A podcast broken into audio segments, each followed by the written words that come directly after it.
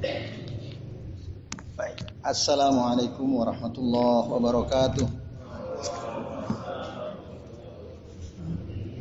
Alhamdulillahirabbil alamin. Alhamdulillahilladzi arsala rasulahu bil huda wa dinil haq liyudhhirahu 'ala ad-dini kullih walau karihal kafirun walau karihal musyrikun. Asyhadu an la ilaha illallah wahdahu la syarikalah wa asyhadu anna Muhammadan abduhu wa rasuluh. Allahumma salli wa sallim wa barik ala Muhammad wa ala ali Muhammad kama sallaita wa barakta ala Ibrahim wa ala ali Ibrahim fil alamin innaka Hamidum Majid. Rabbi israh li sadri wa yassir amri wa ahlul 'uqdatam min lisani yafqahu qawli amma ba'd. Bapak-bapak dan ikhwas sekalian, a'azani Allah wa iyyakum ajmain. Alhamdulillah puji dan syukur marilah senantiasa kita haturkan kehadirat Allah Subhanahu wa taala yang telah mengizinkan kita semua untuk bisa hadir ke majelis ini sama-sama belajar dari kitab Hilyatu Talibil Ilm karya Syekh Bakar bin Abdullah bin Abi Zaid rahimahullah. Pada malam ini kita akan melanjutkan ya, halaman 46. Kita kemarin sudah bahas ya sebagian dari judul tentang hukum belajar kepada ahlul bid'ah. Itu ya. Belajar kepada ahlul bid'ah. Nah, seperti yang kemarin kami sudah tegaskan bahwa ketika kita mendengar kata ahlul bid'ah atau ahlul ahwa ya, mereka juga disebut ahlul ahwa atau ahlul bid'ah. Maka bid'ah itu bisa berkaitan dengan masalah akidah, bisa juga berkaitan dengan masalah ibadah. Tapi bid'ah akidah tentu lebih menyesatkan lagi. Ya. Kalau di dilihat levelnya, maka level tertinggi kerusakan dalam bid'ah itu adalah bid'ah akidah. Lalu kemudian di bawahnya bid'ah bid'ah fil ibadah. Hukum bagaimana belajar kepada ahlul bid'ah? Kemarin kita sudah bahas ya sebagian. Kita lihat halaman 46 mulai dari uh, perkataan Imam Az-Zahabi ya. Kalau bapak-bapak dan ikhwas sekalian melihat di halaman 46 itu dari kalimat ya, ia rahimahullah maksudnya ia itu Imam Az-Zahabi. Imam Az-Zahabi juga mengatakan semoga Allah merahmati beliau wa qara'tu bi khaddi Syekh Al-Muwaffaq Aku pernah membaca tulisan Syekh Muwaffaq Kala dia mengatakan Sami'na darsahu ay Ibnu Abi Asrun ma'a akhi Abi Umar wong qata'na. Jadi kata Syekh Muwaffaq kami mendengar pelajaran. Mendengar pelajaran maksud duduk di majelis seorang guru namanya Ibnu Abi Asrun. Jadi Ibnu Abi Asrun ini seorang guru, ya, seorang yang dianggap berilmu, datang orang belajar di majelisnya, di antaranya adalah Syekh Al-Muwaffaq dan saudaranya yang bernama Abu Umar. Ya. Belajar kepada siapa? Ibnu Abu Asrun. Ibnu Abi Asrun. Ini tokoh, nama tokoh. Pasami itu akhi yakul, aku mendengar saudaraku berkata, dakhaltu alaihi ba'd. Jadi setelah mereka ini ada dua orang namanya Syekh Al-Muwaffaq sama siapa? Abu Umar. Syekh Muwaffaq sama Abu Umar. Dua orang ini belajar kepada Ibnu Abi Asrun. Tentu dengan lain-lainnya. Nah, suatu kali Ibnu Umar ini datang kembali ketemu dengan gurunya yang bernama Ibnu Abi Asrun. Fakol lalu dia tanya, siapa yang bertanya? Gurunya. Ibnu Abi Asrun bertanya kepada siapa?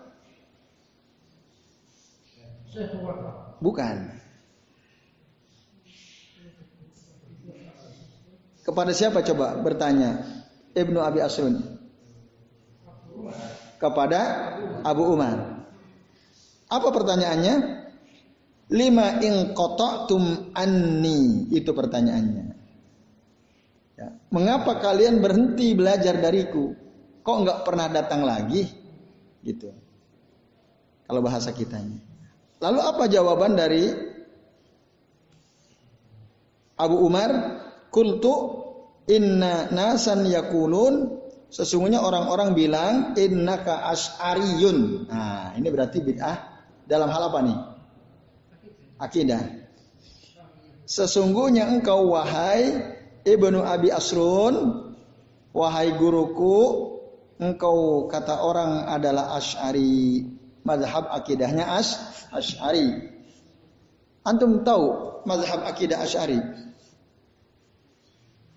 Tokohnya siapa? Abul Hasan al al Ash'ari. Nah, di Indonesia banyak nggak? Banyak. Bahkan terang-terangan akidah madhabnya Ash, Ash'ariyah. Al-Maturidiyah. Dan ngakunya ahlu sun, sunnah. Padahal Ash'ari, Al-Maturidi beda dengan ahlu sun, sunnah. Ya, makanya sebagian kaum muslimin di Indonesia yang ngaku-ngaku Ash'ari, eh ngaku-ngaku ahlu sunnah wal jamaah, akhirnya setelah ilmu terus ya berkembang, ilmu terus tersebar. Akhirnya sebagian kaum muslimin di negeri kita ini, saudara kita, nambahi bukan lagi ahlu sunnah wal jamaah asra mutlak, tapi biasa ditambahi dengan ahlu sunnah. Nah, disebut nama ormasnya, gitu ya. Ahlu sunnah sama tambahan plus ormasnya. Jadi itu ya. Karena bertentangan dengan ahlu sunnah yang sebenarnya, yang sesungguhnya. Karena ahlu sunnah tidak mungkin secara akidah bermadhab ash'ari. Tidak mungkin secara akidah bermadhab al-maturidi. Karena ada ya hal-hal penting yang oleh ash'ari dipahami secara berbeda dengan yang dipahami oleh para sahabat Nabi SAW. Ya, contoh saja, ya yang sering saya sampaikan di majelis ini, akidah Ash'ari tidak menerima kalau dikatakan Allah itu istiwa di atas aras. Dalam madhab Ash'ari nggak diterima. Sehingga mereka mengatakan ketika ada ayat bahwa Allah istawa ala arsyihi, Allah beristiwa di atas arasnya, itu jangan diartikan bersemayam tapi istaula. Nah, istaula menguasai. Nah, jadi mazhab Asy'ari sudah melakukan tahrif. Perubahan ter terhadap makna ayat. Kata mereka bukan istawa tapi istaula. Dan itu dibantah oleh banyak ulama. Ya. Bukan makna istawa bukan istaula. Apalagi kalau kita lihat siak al-ayah ya, konteks ayat. Misalnya di dalam surah As-Sajadah. Allahul ladzi khalaqas samawati wal arda wa ma bainahuma fi sittati ayyamin summa stawa 'alal 'alal 'arsy. Dialah Allah yang telah menciptakan langit dan bumi dan apa-apa yang ada dalam di antara keduanya selama enam masa. Summa stawa 'alal 'arsy. Kemudian kata kemudian itu summa dalam bahasa Arab adalah harfut tartib wa tarahi. Harfut tartib, tartib artinya urut. Jadi Allah ciptakan langit bumi, Allah ciptakan apa-apa yang di antara langit dan bumi dalam enam masa, baru setelah terciptakan itu, kemudian, nah, kemudian itu urut kan, menciptakan dulu, baru kemudian istawa. Kalau kata istawa diartikan istaula, berarti kemudian Allah menguasai arasnya. Nah, berarti selama Allah menciptakan langit dan bumi, Allah belum menguasai ah, ah secara nalar udah kacau tuh. Cacat logikanya. Terbantahkan. Dan banyak semua semua terbantahkan. Paham-paham yang menyimpang secara akidah. Nah, Allah turun, mereka nggak mau terima. Yang turun bukan Allah, apa rahmatnya yang turun. Padahal Allah mengatakan innallaha tabaraka wa ta'ala yanzilu ila sama'id dunya fi sulusil akhiri minal lain. Sesungguhnya Allah tabaraka wa taala turun ke langit dunia di sepertiga malam terakhir. Apanya yang turun? orang-orang Ash'ari bilang yang turun adalah rahmatnya. Kenapa? Karena nggak mungkin Allah tuh turun. Berarti Allah butuh tempat tuh, kosong tuh tempatnya di di aras katanya. Bolak-balik mereka. Nah, kenapa? Mereka karena akalnya didahulukan daripada dalil gitu. Sebenarnya kalau kita kembali saja kepada dalil, kita nggak akan pusing-pusing. Turunnya Allah itu nggak sama-sama seperti kita. Masalahnya mereka menyamakan itu, melakukan tasbih dulu, kemudian jadi tahrib. Itu kacaunya di situ, Asy'ari itu. Nah ini. Nah, kalam Allah katanya. Allah itu ya berbicara tapi kalam Allah itu berdiri sendiri katanya. Nah ini jadi banyak kekacauan-kekacauan ya yang dibahas oleh para ulama salafus saleh ya. Misalnya antum bisa baca kitab Lum'atul Etiqad oleh Ibnu Qudamah atau di kitab-kitab syarahnya kekacauan-kekacauan cara berpikir uh, mereka yang berakidah secara asyariyah. Asyari dan Maturidiyah hampir sama. Ya, hampir sama. Maka itu bukan ahlu sun, bukan ahlu sun. Meskipun ada sebagiannya yang sama. Dan meskipun Syekh Abu Hasan al Ashari di akhir kehidupannya beliau bertaubat lalu menulis kitab judulnya Al Ibana fi Usulid Diana. Al Ibana fi Usulid Diana. Tapi oleh para pembelanya katanya itu bukan. Itu bukan tulisan dari Syekh Abu Hasan al Ashari katanya. Oh itu ulisan orang lain. Intinya mereka nggak sepakat kalau dikatakan Abu Hasan al Ashari taubat dari paham akidah yang cenderung dipengaruhi oleh Mu'tazilah sebenarnya. Mendahulukan akal, rasio daripada dalil. Nah, kembali ke sini, kenapa Syekh Muwaffaq dengan Abu Umar nggak mau belajar lagi kepada Ibnu Abi Asron karena dia kata orang-orang pahamnya, paham Ash'ari. Akhirnya Ibnu Abi Asrun mengatakan, "Faqala wallahi ma ana Ash'ari." Dia berkata, "Wallahi demi Allah saya bukan Ash'ari." Hada makna hikayah. Nah, ini makna ya, secara makna beginilah kisahnya. Nah, catatannya Bapak-bapak dari ikhwas kalian, ya. Bagaimana dulu para ulama betul-betul berusaha menjauhi ahlul bid bid'ah. Apalagi bid'ah adalah masalah akidah. Jadi jangan ambil ilmu dari ahli bid'ah. Ustadz-ustadz yang populer itu banyak nggak ahli bid'ah, ahli ahwa? Banyak. Nah itu sebaiknya kita tidak mengambil ilmu dari mereka. Tidak mengambil ilmu dari mereka. Nah, saya, saya, saya mengatakan yustafadu annaka. Bisa kita ambil faidah dari pernyataan yang diceritakan oleh Imam Az-Zabi ini adalah annaka la yanbaghi an tajlisa lil mubtadi aw li mubtadi'in wa in kanat bid'atuhu hakikiyah ka bid'atil asy'ariyah.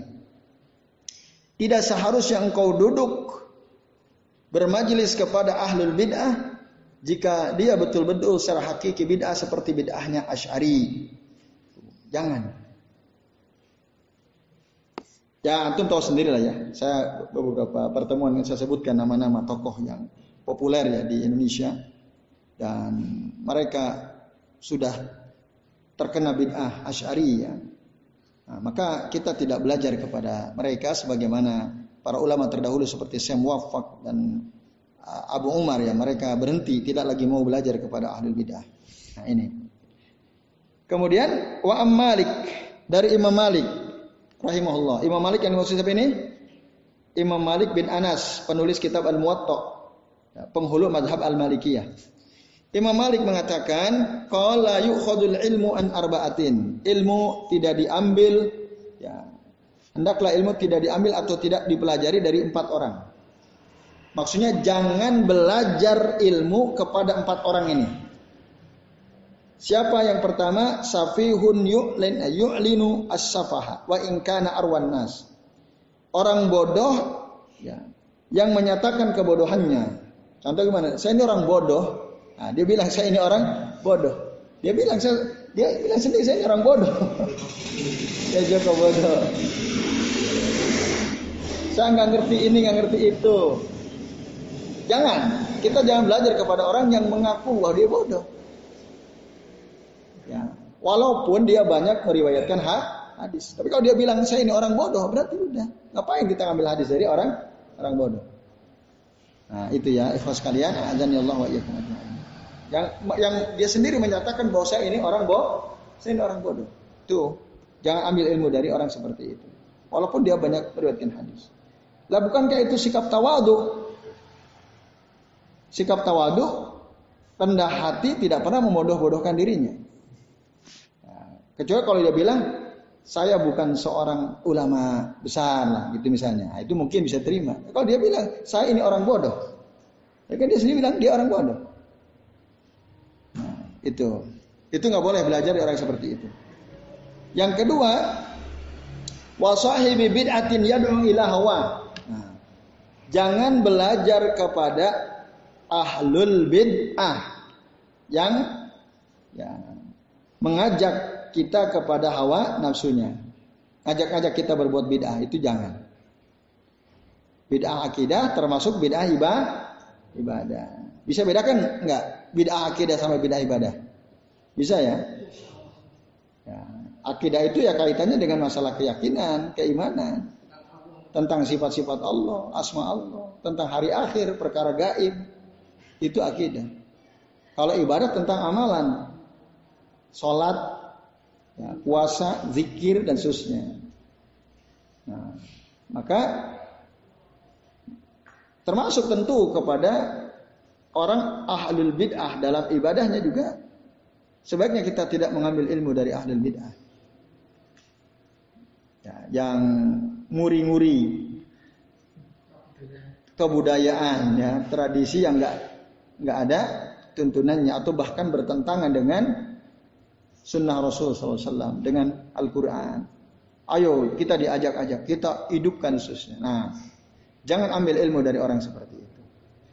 Yang ketiga, waman yakribu fi hadisin nas wa in kuntu la attahimuhu fil hadis. Jangan belajar kepada orang yang berbohong, yang berdusta ketika berbicara kepada orang lain. Kadang-kadang kalau kita perhatikan, ada orang ya saking mungkin dia pinternya cerita, bohong pun nggak kerasa gitu loh. Padahal dia boh, bohong. Mohon maaf para pelawak kadang-kadang stand up komedian ya kadang-kadang kalau kita dengarkan yang sesama ada hal yang kayaknya nggak mungkin gitu. Nah itu. Kadang-kadang para penceramah mubalik, para dai kadang-kadang kalau dia nggak hati-hati supaya menarik jamaahnya dia bohong. Uh ketika dia ngasih contoh misalnya dan lain sebagainya, tapi bohong dia buat-buat fakta sendiri. Nah itu jangan ambil ilmu dari orang yang suka bohong. Ya. Meskipun kata Imam Malik, meskipun aku tidak menuduh dia berbohong dalam menyampaikan hadis. Tapi kalau dia berbohong ketika berbicara di depan orang-orang, jangan ambil ilmu darinya. Ya. Kemudian yang terakhir yang keempat, wasalihin abidin fadilin idza kana la yahfadhu ma. Jangan belajar kepada orang soleh, kepada orang yang ahli ibadah, dan kepada orang yang memiliki banyak keutamaan. Jangan. Ya. Yaitu dia yang tidak hafal, ya, tidak hafal hadis yang disampaikannya. Ya, itu jangan. Ada orang ahli ibadah, ya soleh kelihatannya, sholat jamaah terus, ahli ibadah. Pokoknya utamalah sholat selalu di awal waktu. Kalau jamaah selalu di sop pertama, ahlus saum ya, dia ahli puasa. Wa ahlu zikr, ahlu zikir juga ya. Tapi dia nggak paham hadis, nggak ngerti hadisnya. Kenapa kamu begini? Hadisnya apa? Mbok orang ngerti aku sing penting ngamal ke kaya ngene iki. Nah, itu. Maka kata Imam Malik jangan belajar kayak gitu. Sama orang yang masih seperti itu jangan. Sampai dia ngerti kenapa kamu melakukan ini. Karena kalau Nabi SAW begini hadisnya. Karena kalau Allah Ta'ala begini ayatnya. Nah Kalau dia bisa mempertanggungjawabkan amalan dia, menyebutkan dalilnya, menyebutkan hadisnya kita belajar dari itu. Tapi kalau dia belum, maka jangan belajar dari orang seperti itu. Itu kata Imam Malik rahimahullah. Bapak-bapak dan ikhwas sekalian. Ya, jelas ya, saya kira ya. Nah. Lalu saya bakal mengatakan, "Faya ayuhat talib idza kunta fi sa'ati wal ikhtiyar, fala ta'khud an mubtadi' rafidi au khariji au murji'i au qadari au kuburi. Ya. Wahai para penuntut ilmu, jika kamu memiliki keleluasaan, memiliki uh, pilihan-pilihan, ikhtiar itu kita bisa memilih dengan bebas gitu ya. Nah, maka janganlah engkau ambil ilmu dari seorang ahlul bid'ah. Karena gini, Orang itu belajar, kau antum kayak gini kan milih nih antum. Antum boleh hadir, boleh tidak. Gak ada masalah kan? Ini majelis antum indaku musa'ah wal ikhtiar. Antum punya keleluasaan, antum punya pilihan. Saya mau ikut hadir di majelis atau tidak. Gitu kan? Nah. Tapi nanti ada majelis kita nggak bisa milih. Kita harus duduk di situ ya, karena kita terikat oleh peraturan. Contoh waktu kita kuliah di kampus, gurunya ahli bid'ah. Kalau kita nggak ikut nggak punya nilai kita kan? Nah, atau kita sekolah di SMA, di SMP gitu ya, MTS, kan kita ikut aturan. Ternyata guru-guru kita ini sebagian adalah ahli bid'ah. Nah itu lain lagi nanti. Nah ini kata saya bakar, jika kamu punya pilihan, punya keleluasaan, untuk menuntut ilmu kepada siapa, maka jangan engkau ambil ilmu dari ahlul bid'ah. Imma aqidatan wa imma ibadatan. Baik bid'ah. Nah ini tambahan dari kami ya. Baik bid'ah dalam akidah maupun bid'ah dalam masalah ibadah. Jangan ambil ilmu dari ahlul bid'ah. Siapa contohnya? Kalau di sini sebutkan lebih banyak pada bid'ah akidah ya. Contoh Rafidah, Rafidah orang Syiah. Jangan ambil ilmu dari orang Syiah. Nanti antum dapat ilmu tentang halalnya nikah mut'ah, antum nikah mut'ah terus nanti bahaya. Apalagi wanita-wanita Syiah kan senang di mut'ah. Ya. Antum tinggal berkelana aja punya uang 300 ribu berapa bisa mut'ah berapa ini. Nah itu bahaya nanti ya. Jangan jangan ambil ilmu dari Rafidi. Di Indonesia ada nggak banyak. Ya. Di Bangil ada itu. YAPI Yayasan Pendidikan Islam ya, yang kami tahu. Jangan pula belajar kepada khariji. Khariji itu orang khawarij yang menuduh ya sahabat-sahabat itu nggak benar khariji. Mereka menuduh Ali nggak beres, Muawiyah nggak beres, Amr bin Al-As nggak beres, dikafirkan oleh mereka. Khariji itu orang yang gampang mengkafir-kafirkan. Ya, walaupun mereka hafal Quran, mereka banyak hafal hadis. Ya.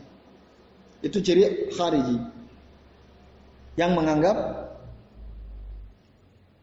suatu negara dengan yakin mereka menganggap ini darul kufur. Ini adalah negeri kafir. Gara-gara apa? Tidak menerapkan hukum Islam. Padahal kita nggak boleh melakukan takfir, mengkafirkan suatu negeri, suatu komunitas disebabkan karena mereka tidak menerapkan syariat Islam. Itu tidak otomatis. Karena ayatnya waman lam apa? Barang siapa yang tidak berhukum, waman lam yahkum bima anzalallah. Allah menyebut tiga kali, faulaika humul kafirun ada memang. Faulaika humul fasikun ada. Faulaika humuz zalimun. Kadang Allah sebut kafir, kadang Allah sebut muna apa? fasik karena Allah sebut zalim. Jadi tidak otomatis setiap negara yang tidak menerapkan Islam kalau kita bilang ini negara kafir lah. Nah, orang kharij khariji begitu, dia gampang menganggap kafir ya.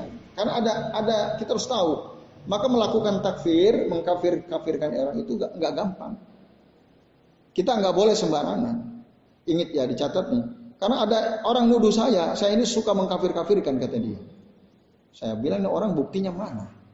Kalau saya bawa ke pengadilan tuduhannya kejam sekali ini ya. Dia bilang ini saya orang suka bikin kisruh, orang yang suka mengkafir-kafirkan, orang yang suka membidah-bidahkan gitu. Nah, kalau suka membidah jelas amalan yang bid'ah harus kita katakan itu bid'ah. Kita kita nggak boleh mendiamkan kita. Tanggung jawab ilmiah kita adalah ketika ada sesuatu yang nggak benar di tengah-tengah lingkungan kita, kita harus perbaiki. Nah itu ya sekalian. Tapi ada orang nggak suka. Nah ini sukanya membidah-bidahkan. Nah ini ya ada penting sekali. Nah dari seorang ulama Syekh Ahmad bin Yahya An Najmi rahimahullah. Dia bilang, "Ammal ladina sakatu an bayanil haqqi linnas." Adapun orang-orang yang diam dari menjelaskan kebenaran kepada manusia, dia nggak mau jelasin kebenaran, mana hak mana batil, dia, dia diem. Fa innahum la yu'dzaruna bisukutihim. Kelak nanti mereka tidak akan dimaafkan oleh Allah kan diam. Allah tidak akan maafkan mereka. Walau qalu nahnu lasna ma'ahum. Walaupun mereka mengatakan kami bukan tidak bersama mereka. Maksudnya tidak bersama ahlul batil, enggak. Fa innahum la orang itu tidak akan dimaafkan oleh Allah taala. Artinya apa? Tugas orang yang sudah sampai kepadanya ilmu menyampaikan ilmu, menegaskan mana yang hak mana yang batil.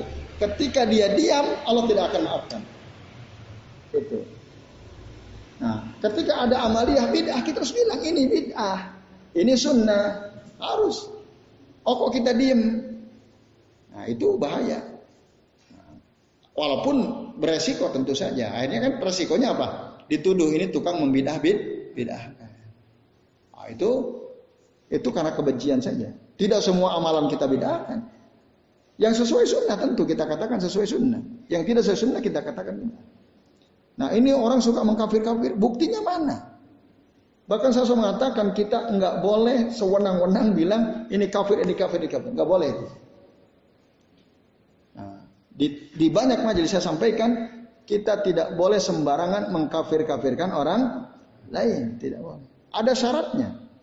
Ada dua bitnya. Apa di antaranya?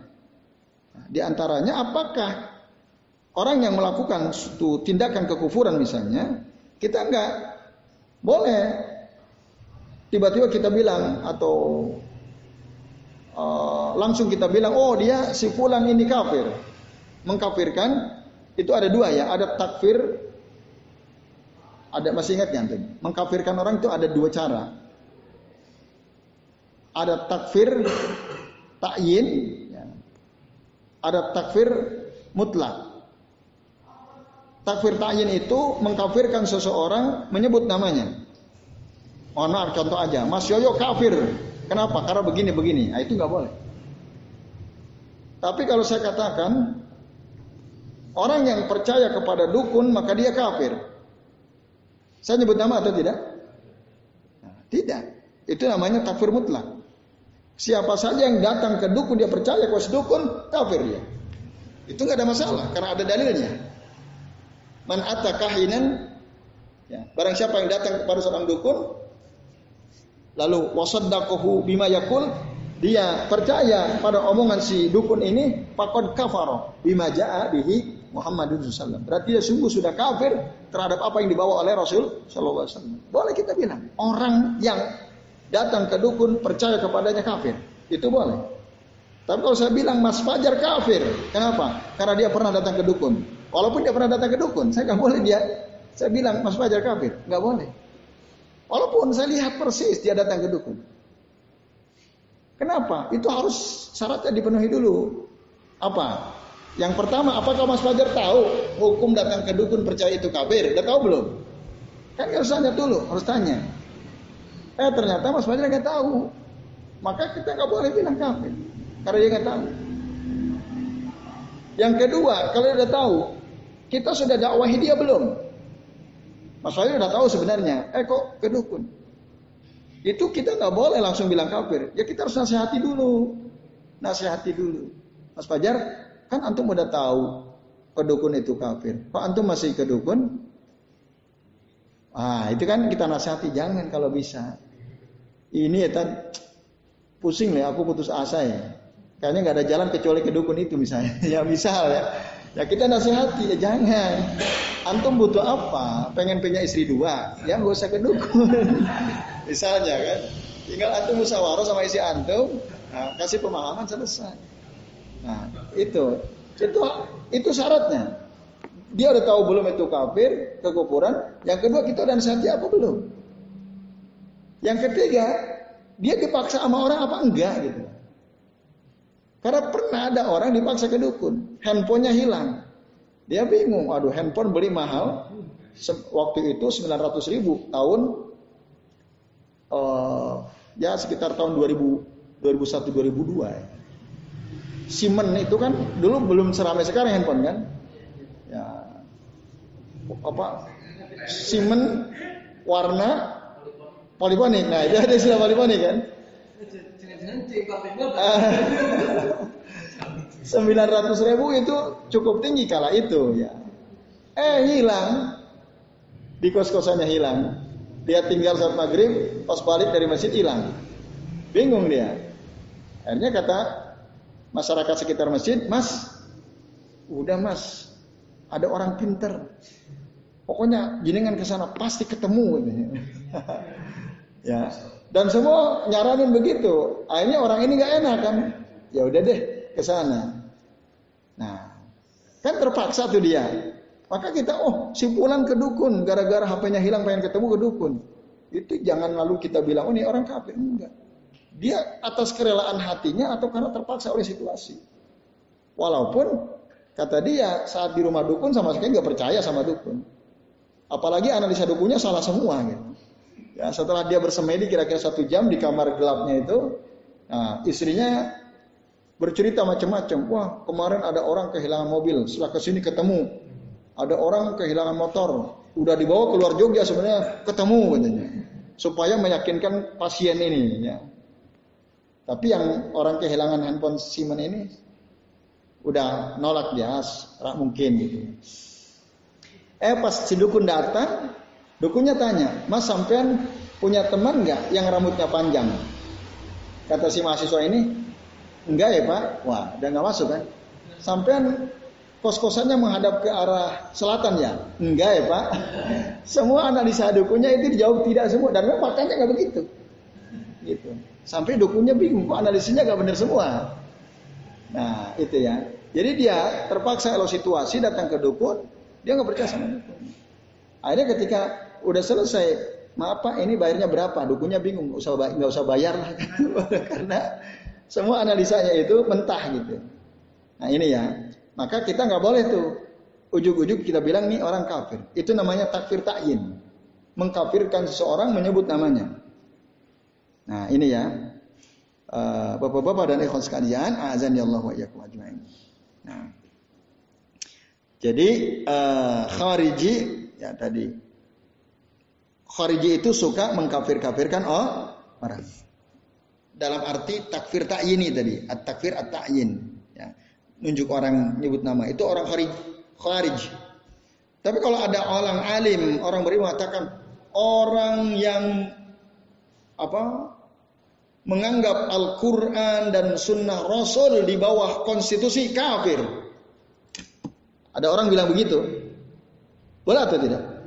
Boleh. Dia nyebut nama atau tidak? Tidak. Enggak. Boleh. Ya. Karena memang orang yang memandang ada yang lebih tinggi daripada Al-Quran dan Sunnah berarti kafir. Dia mengingkari ayat Allah Subhanahu Wa Taala. Allah mengatakan, "Wa tammat kalimatu rabbika sidqan wa adla." Dan sempurnalah kalimat-kalimat Tuhanmu sidqa dalam kebenarannya wa adla dan dalam hukum-hukumnya adil. Eh kok ada orang bilang konstitusi di atas Quran, Al-Quran di bawah konstitusi. Kafir dia. Mengingkari ayat ini. Man ya kafara harfan min Al-Quran faqad kafara kullahu.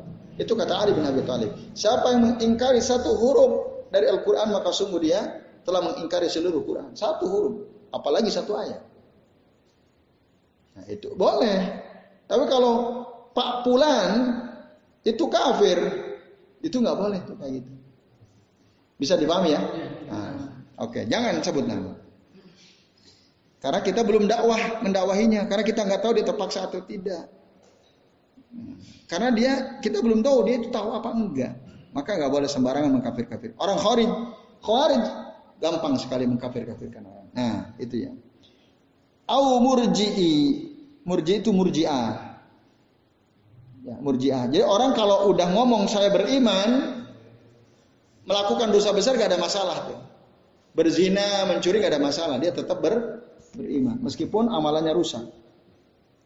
Kata orang murjiah, iman itu tidak berkurang, tidak bertambah. Orang kalau udah bilang aman tu billah, saya beriman kepada Allah, hatinya beriman, walaupun amalnya buruk, tetap dia mukmin. Nah, enak banget tuh orang murjiah itu. Ya. Enak, nah, bahaya orang murjiah ini. Ya. Irja ya. Terus jangan belajar dari kodari. Kodari itu siapa? Orang kodaria yang mengatakan bahwa Allah tidak ikut campur tangan dalam setiap keputusan kita sebagai hamba. Ini semua aku kaya karena kehebatan diriku, aku miskin karena kemalasan diriku. Itu orang Qadariyah. Allah nggak ikut campur tangan. Jadi orang miskin ya kesalahan dia sendiri, orang kaya kehebatan dirinya sendiri. Nah orang Qadari cenderung kalau dia berhasil sombong, kalau dia gagal putus asa. Bahaya orang Qadari. Jangan belajar dari orang yang berpaham Qadariyah. Kemudian siapa lagi Ya. Au kuburi. Nah, kuburiyun. Tahu kuburiyun maksudnya? Orang yang suka datang bolak-balik ke kuburan. Apa-apa butuh apa ke kuburan. Ada masalah apa ke kuburan. Ya. Udah gitu kuburannya ya macam-macam dia lakukan di kuburan. Ya, baca Quran lah, zikir kalimat thayyibah, iktikaf, Bahkan ada sholat menghadap kuburan, bolak-balik ke kuburan. Nah ini jangan belajar min al kuburi, ya, min al kuburiyin. Ya. Itu kata Imam uh, kata saya bakar ya. Hah? Ah, udah mati tapi jadi psikolog gitu ya. Ini, it, ya itu lagi, itu yang disebut kuburi itu kayak gitu itu. Ya, itu ya. Nah, itu bahaya kayak gitu. Curhatnya ke kuburan gitu ya. Nah, itu bahaya. Ya termasuk bunuh diri di kuburan nggak boleh juga itu bunuh diri di kuburan. Karena dekat. Nah ada ya. Nah, memudahkan. Ini ya. Itu termasuk kuburi ya, bapak-bapak dan yang sekalian. Ya. Jadi dia meyakini kalau melakukan sesuatu di kuburan akan begini dan begitu dan seterusnya. Lah, Jangan belajar dari orang-orang seperti itu. Wahakada, beginilah. Fa inna kalan tablughu mablagor rijal sahih sahihil akad fid din. Kalau kamu belajar kepada Rafidi atau Khariji atau Murji'i atau Qadari atau Kuburi, kamu tidak akan pernah sampai pada derajat ya yang sahih akidahnya dalam agama. Artinya kamu gak akan benar secara akidah kalau belajarnya sama orang-orang ini tadi. Karena akidah guru-guru kita ini, kalau kita jadikan guru ini ya, orang Khawarij kita jadikan guru, orang Rafidah kita jadikan guru, Murji'ah kita jadi guru, Qadari kita jadi guru, atau Kuburi kita jadikan guru, maka niscaya kita nggak akan sampai, tidak akan pernah sampai bahkan, tidak akan pernah sampai kepada level ya orang yang secara akidah sahih dalam agama. Sahihil akdifiddin nggak mungkin. Ittisal billah tidak mungkin kuat hubungan kita dengan Allah. Sahihan nazar. Tidak mungkin kita punya pandangan yang sahih ya. Takful asar mengikuti asar illa kecuali kalau kita ingin secara akidah benar, selalu nyambung dengan Allah taala, pandangan kita benar, ikut senantiasa terikat oleh asar oleh sunnah. Caranya adalah apa? Bihajaril mubtadi'ati wa bid'ahihim. Kecuali dengan cara kita tinggalkan ahlul bid'ah dan bid'ah bid'ahnya. Itu tinggalkan. Kalau kita masih dekat dengan mereka, mendengarkan, belajar kepada mereka, wah itu bahaya. Ya, itu bah. Caranya kalau ingin benar akidah kita tinggalkan ahlul bid'ah ditinggalkan dan tinggalkan bid'ah bid'ah mereka. Itu kata saya Bakar bin Abdullah bin Abi Zaid rahimahullah. Nah ini bapak-bapak dan ikhwas kalian, Allah wa Jadi intinya kita ini kata Syekh Al ya, menjelaskan apa yang dikatakan oleh Syekh Bakar. Nah, tidak boleh mengambil ilmu dari ahlul bid'ah sedikit pun walaupun walaupun ilmu yang kita pelajari dari dirinya tidak ada kaitannya dengan bid'ah yang dia yakini. Bisa gini ya, ada seorang di ahlul bid'ah, bid'ah dalam akidah, bid'ah dalam ibadah. Dia senang bid'ah bid'ah. Tapi dia orang pinter bahasa Arab, pinter. Ilmu balagohnya pinter. Ya. Kan bahasa Arab gak ada kaitannya dengan bid'ah. Ilmu nahu, ilmu sorobnya jago dia. Ilmu usul fikihnya jago dia. Tapi dia ahli bid'ah dalam akidah dan ibadah. Nah, meskipun ya, kita hanya mempelajari ilmu-ilmu yang dia kuasai, yang itu nggak ada kaitannya dengan kebidahan dia, itu pun jangan. Itu maksudnya. Paham ya? Jangan. Itu ada orang pinter banget bahasa Arabnya, pinter banget nahu sorobnya, masya Allah pokoknya.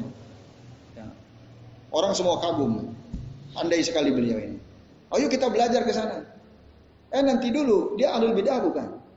Oh kalau ternyata dia ahlul bidah dalam akidah, ahlul bidah dalam ibadah, itu jangan meskipun dia dapat sertifikat tingkat internasional gitu. Kalau dia ini hebat dalam bidang balagoh misalnya, dalam bidang ilmu nahwu dan sorot misalnya. Itu gak ada kaitan dengan bidah kan gak ada. Itu pun jangan. Jangan sampai kita belajar kepada orang-orang yang ahlul bid'ah meskipun dia menguasai ilmu yang ada tidak ada kaitannya salah amalan uh, keyakinan bidah dia. Nah itu. Bisa dipahami ya? Nah. Kenapa ya? Nah itu kan kenapa? Kenapa kok kita nggak boleh belajar kepada ahli bid'ah padahal ilmu yang kita mau pelajari dari dia itu tidak ada kaitannya dengan masalah bid bid'ah. Bahasa Arab apa ada bid'ahnya kan nggak ada. Nah nahu sorab nggak ada kaitannya dengan bid'ah. Itu murni ilmunya. Satu alasannya kerusakan pertama adalah nah, itu akan menipu menipu diri kita. Ya, dan menipu diri orang itu. Si guru ahli bid'ah ini. Dia akan tertipu oleh datangnya kita mau belajar kepada dia. Dia ngerasa aku ini orang benar. Buktinya apa? Tuh, si pulan, si pulan, si pulan belajar kepada saya. Nah, itu. Dia tertipu oleh bid'ahnya sendiri. Disebabkan apa? Kita datang. Banyak orang datang ke dia untuk belajar. Padahal dia ahli bid'ah. Itu sebab pertama Mas Apri dan teman-teman sekalian. Itu akan menipu dirinya. Dia akan ngerasa bahwa dia berada di atas hak. Gara-gara apa? Gara-gara orang belajar ke dia. Yang kedua, orang lain akan tertipu. Tentu kita sebagai tolib, pembelajar ya, kita belajar ke dia, kita nanti akan tertipu juga. Kita udah kagum dia kan. Oh, ini ilmu balagonya luar biasa tidak sadar ternyata dia menggiring kita kepada bid'ahnya. Kita nggak sadar, tahu-tahu kita ikut aja. Kayak kita udah kagum dulu kan. Nah, tuh itu kenapa kita nggak boleh. Alasan pertama. Alasan kedua, orang bisa tertipu. Ya. Kenapa? Karena orang banyak tuh belajar kepada si fulan. Pak si fulan ahlul bid'ah. Banyak orang belajar ke dia, akhirnya orang-orang yang lain pun, oh iyalah, kita belajar ke sana aja. Kita belajar ke sana. Kenapa? Karena banyak orang. Ya ibarat kalau rumah makan kan orang biasanya menilai rumah makan itu enak atau tidak lihat banyak orang atau enggak yang gitu ya Pak. Kalau kita ya. Laris apa enggak? Kalau banyak orang tiap saat selalu rame, kesimpulan kita berarti ini pasti makanannya eh kan enak. Pun begitu tokoh yang berilmu, dia alim bid'ah, kalau orang banyak datang ke dia, nanti orang menganggap ini dia benar. Manusia akan tertipu. Nah itu. Nah ini ya. Oh ternyata kalau warung tadi ramainya ada dukunnya, ada tuyulnya, atau barang dan lain sebagainya ya. Nah itu jadi ramai ya. Nah ini ya bapak-bapak dan ikhlas sekalian ajan Allah Jadi itu nanti orang tertipu. Makanya kita jauhi. Jangan belajar kepada ahlul bid'ah. Meskipun belajar ilmu yang enggak ada kaitannya dengan kebid'ahan. Iya. Ilmu bisnis gitu ya. nggak nggak berlaku, bahaya itu. Ya. Itu bahaya. Apa ungkapan ambil baiknya, buang buruknya belum tentu kita bisa. Karena banyak subhat nanti. Nah, maka para ulama kata tegas jauhi ahlul bid'ah itu jauhi. Nah, ini ini ini kan saya Bakar bin Abdullah bin Abi Zaid tegas mengatakan jauhi ahlul bid'ah itu. Ya. Fala ta'khud an mubtadi. Ya gitu. Tentang tadi kerusakannya itu penjelasan dari Syaikhul Utsaimin rahimahullah. Nah, maka kata beliau, kita melihat bahwa kita ini manusia ini nggak boleh layak jenis ila ahli bid'ah wal ahwa mutlakon. Kita nggak boleh duduk di majelis ahlul bid'ah, ahlul ahwa secara mutlak. Secara mutlak itu secara umum nggak boleh. Hatta ingkana la yajidu la la yajidu ilmal arabiyyah wal balagh wa as-sarf illa fihim. Sampai bahkan Ketika kita tidak mendapatkan di tempat kita, di kampung kita, orang yang pandai bahasa Arab, orang yang pandai ilmu balagoh, orang yang pandai ilmu sorob, kecuali ahlul bidah itu. Dalam keadaan seperti itu pun jangan. Bayangkan. Ya. Misalnya kita ingin sekali belajar bahasa Arab. Di kampung kita nggak ada yang ahli, kecuali ahlul bidah. Kita cari guru ke mana-mana, orang maaf saya nggak bisa, saya nggak bisa. Tapi ada satu di kampung kita di ahlul bid'ah. Bahasa Arabnya tenanan, pinter pinter sekali. Pun ketika dalam situasi seperti itu, jangan.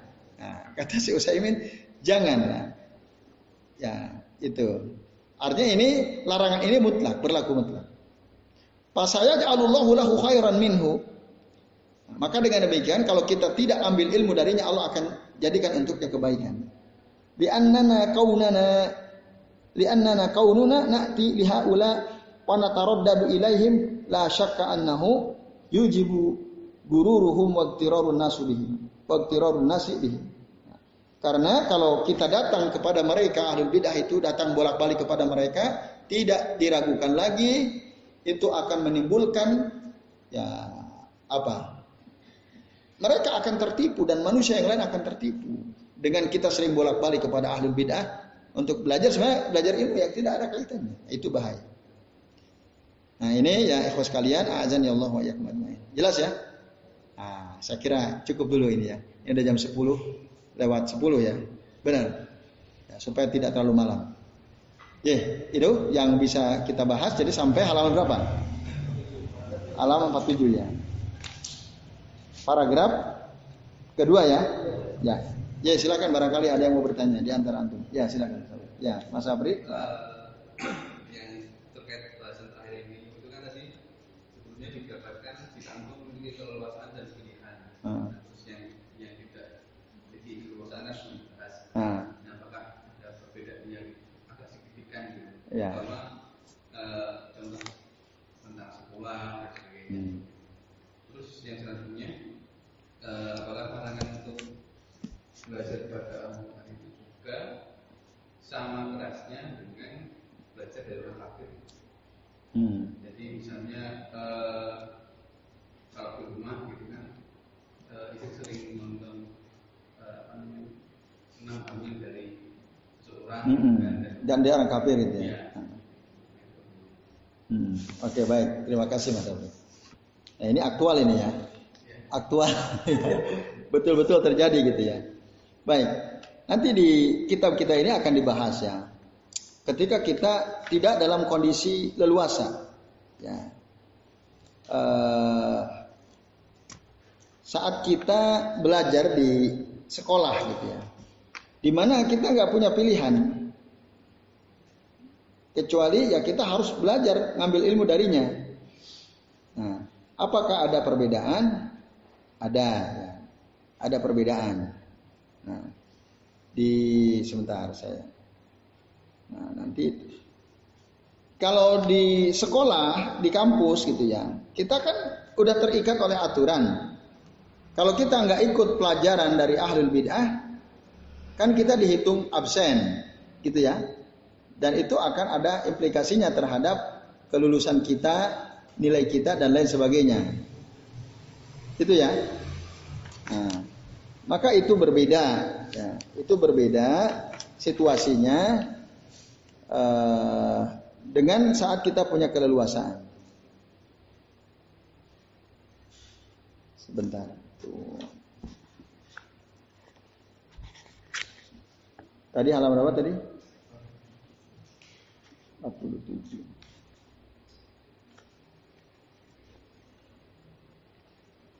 uh, Abi Usman.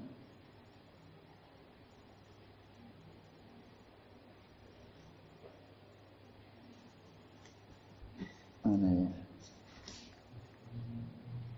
Al-asal faras talib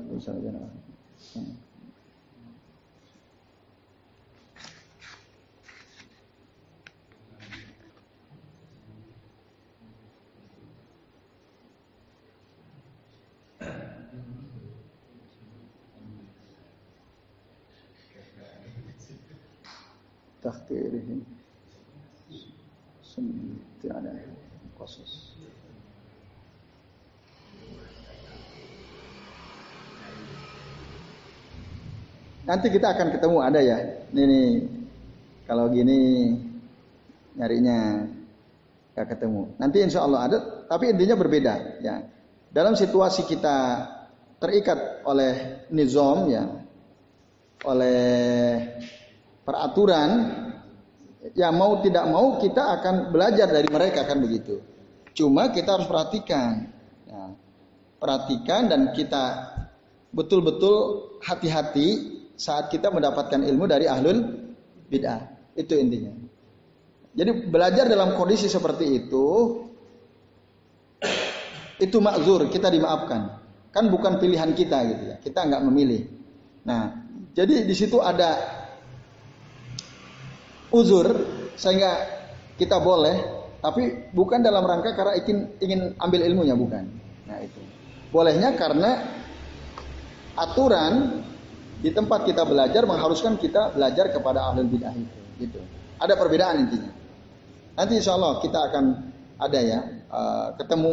Ini kan ketika beliau menjelaskan uh, saat kita fisah wal ikhtiar itu kan dalam keadaan lapang punya pilihan Beliau jelaskan.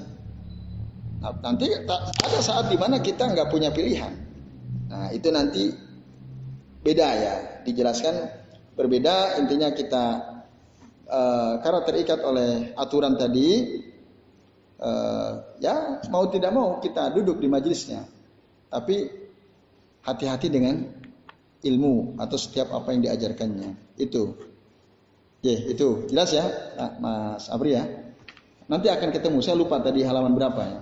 Yang jelas saya sudah sudah baca ya.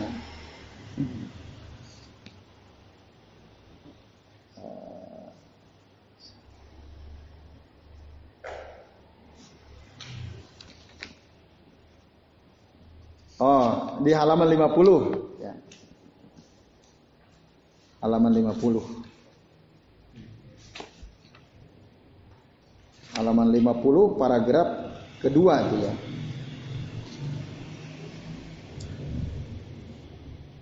Ketemu nggak? Ya itu, antum baca itu situ ya.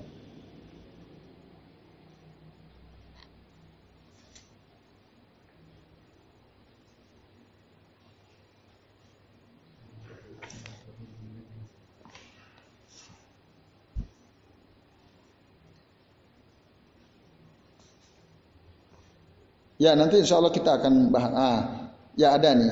Amma in kunta fi dirasatin nizamiyatin la. Tuh, tuh ya, itu halaman 60. Itu.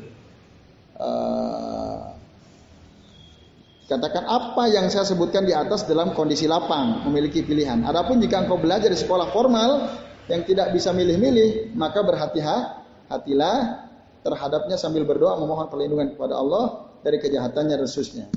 Itu diterangkan di halaman 50. Oke, jelas ya? Ya. Nah, lalu bagaimana belajar dengan kepada orang kafir? Tadi kan kepada ahlul bid'ah jangan. Ya. Secara tidak boleh. Kalau kita tahu dia ahlul bid'ah. Tapi gimana kalau orang kafir? Karena kita banyak ilmu yang kita pelajari dari orang kafir gitu kan yang kita pelajari orang kafir. Lebih bahaya mana? dari orang kafir dengan orang bid'ah. Orang bid'ah lebih berbahaya, ahlul bid'ah lebih berbahaya. Karena yang kita nggak ngerasa kalau orang kafir kan kita udah hati-hati betul dari awal kan. Kita udah betul-betul hati-hati kan. Ini, ini orang kafir. Tapi kalau ahlul bid'ah bisa hilang kehati-hatian kita. Itu. Maka dengan demikian ada rukhsah ya. Ada rukhsah uh, uh, kita belajar dengan catatan bukan belajar tentang ilmu-ilmu syariat, ilmu-ilmu agama. Itu. Kalau belajar senam wanita yang lagi hamil seperti apa biar lancar susnya. Nah, itu bisa saja.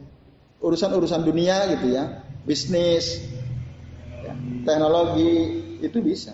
Orang, orang ketika memang nggak ada pilihan kecuali kepada dia. Tapi kalau ada orang Islam yang jago juga teknologi, sebaiknya kita belajar kepada muslim. Ini nanti maksudnya bab wala al wala wal barra.